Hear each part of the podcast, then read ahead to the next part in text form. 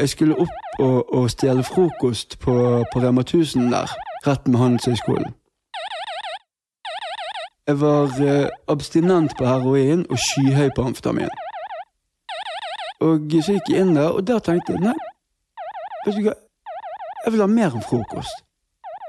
Jeg vil ha penger. Jeg vil ha heroin, for faen. Så jeg stjal et par noen strømper istedenfor. Gikk ut, eh, gikk bort til den 7-Eleven, tredde det foran hodet mitt, gikk inn og sa Everybody be cool, this is a robbery! Jeg sa faktisk de ordene. Hun, men det som slo meg mest, var hun eh, eh, damen bak disken. Hun så bare litt oppgitt ut. Åh, må jeg gå gjennom dette her, faen i helvete. Og eh, hele affæren eh, altså BA, Når BA skrev om det avisen, kalte de noen sånn som tabberanere eller et eller annet sånt, for det var så amatørmessig. Du vet du ser i film de har på seg sånne eh, damestrømper. Jeg hadde på meg den så lur som jeg var, kameraene ikke skulle få ansiktet mitt. Men med en gang jeg var ute av butikken, så rev jeg av med den. For folk, jeg ville ikke folk skulle tro at de så en raner. Og da tok bensinstasjonen på andre siden av gaten De fanget opp bildet mitt.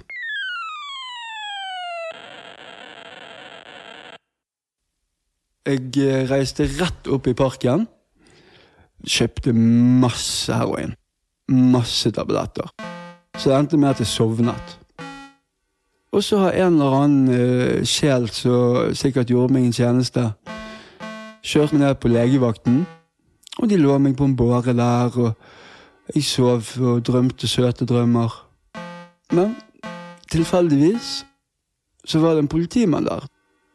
Så han har nok stått der, og så har han sett bort på den, min bevisstløse skikkelse, og tenkt at der, hmm, hei, han så kjent ut.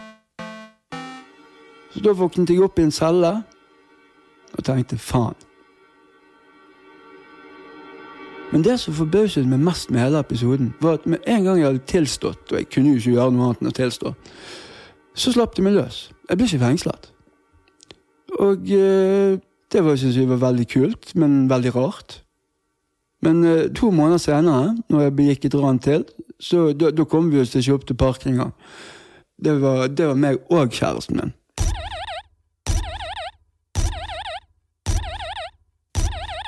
Denne gangen så var det hun som foreslo skal vi ikke rane Statoil.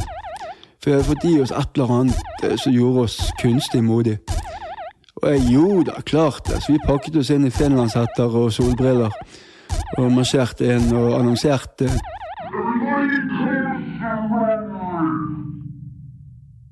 Hun så jo stakkars mye mer forskremt ut, men jeg husker veldig lite av denne episoden, for jeg var så stein.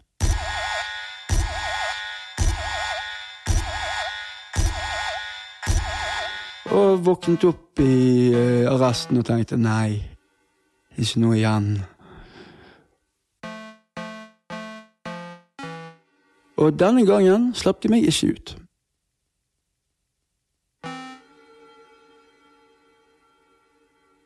Akkurat nå er jeg i et lite rom med et lite bad, med en liten seng, en liten bokhylle og en liten pult.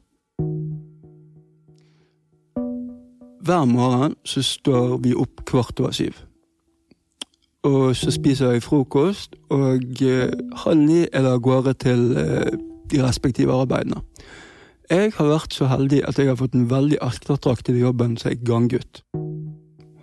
Ganggutten han vasker gangene og lager maten og holder kjøkkenet og stuen og fellesområdene rene. Veldig ettertraktet jobb, siden du stort sett bare går og laffer.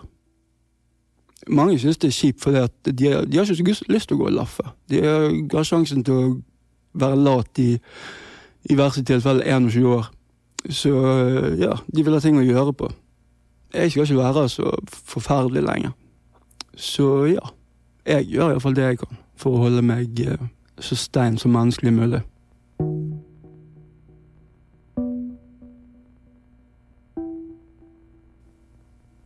Det er ikke så grådig mange jeg snakker med her ennå. Det er ikke Det er ikke så mange jeg er på natt med, som jeg kan kommunisere med. når folk snakker til hverandre, så er det veldig mye spøk. Og veldig mye business. Mye narkobusiness. Du snakker ikke om når du skal ut, eller hva du føler, eller noe som helst kan komplisere dagen din. For du skal bare komme deg gjennom den dagen. Men plutselig så er det gått en måned. Og det er akkurat så Dagene går jævlig sakte, men ukene fyker av gårde. Veldig ofte i fengsel så oppstår det et slags språk, et slags eh, En slitt vits som går igjen mellom folk når de hilser på hverandre. Det dukker opp sånne faste svar på faste spørsmål. For eksempel eh, ja, 'Hvordan går det?' 'Ja, det går av seg sjøl.' Type ting. sånn. En av de karene jeg har fått et ganske ok forhold til, han går og tar meg på kuken hver gang jeg går forbi. Eh, Så i og for seg høres ganske creepy ut, men eh, nei, det er helt greit, egentlig. Nærmest du kommer intimitet i dette plassen. Men et litt pinlig øyeblikk var Jeg gikk jo på folkehøyskole. Og det viser seg at en av de jeg gikk på folkehøyskole med, er betjent her på fengselet. Og Så det var et litt sånn kleint øyeblikk for et par dager siden når vi møttes i gangen. Så fikk jeg først en sånn øyeblikkelig utbrett av kaldsvette. Faen, må jeg forholde meg til dette her nå? Det er ikke nok at jeg sitter inne. Nå må jeg fuckings forklare meg. Men hun lyser opp i et stort smil og gir meg en klem, og uh, 'Hvordan det går, nu, Cato?' Ja, hun var veldig, veldig ok. Men når vi møter disse her eh, spøkelsene fra fortiden, så er det jo Uansett egentlig hvordan denne verden vil forholde seg til hva du er nå, så føler du et stress. Fordi at du har ingenting å, å bidra med til eh, vennskapet lenger. Altså, etter du har blitt eh, aktiv narkoman, spesielt sprøytenarkoman, så skjemmes du veldig av hvem du har blitt, og hva du har gjort. Så når du da møter et annet menneske som kjenner deg, og har kjent deg i en periode i livet ditt hvor du ikke var det, så får du sånn nesten overveldende skamfølelse. Alt du har gjort, og alt du har sagt, og måter oppført deg med, bobler plutselig til overflaten. For du har jo ikke lyst at dette mennesket skal se deg som noe annet enn den du var. Mens det er overtydelig at du ikke er det mennesket lenger.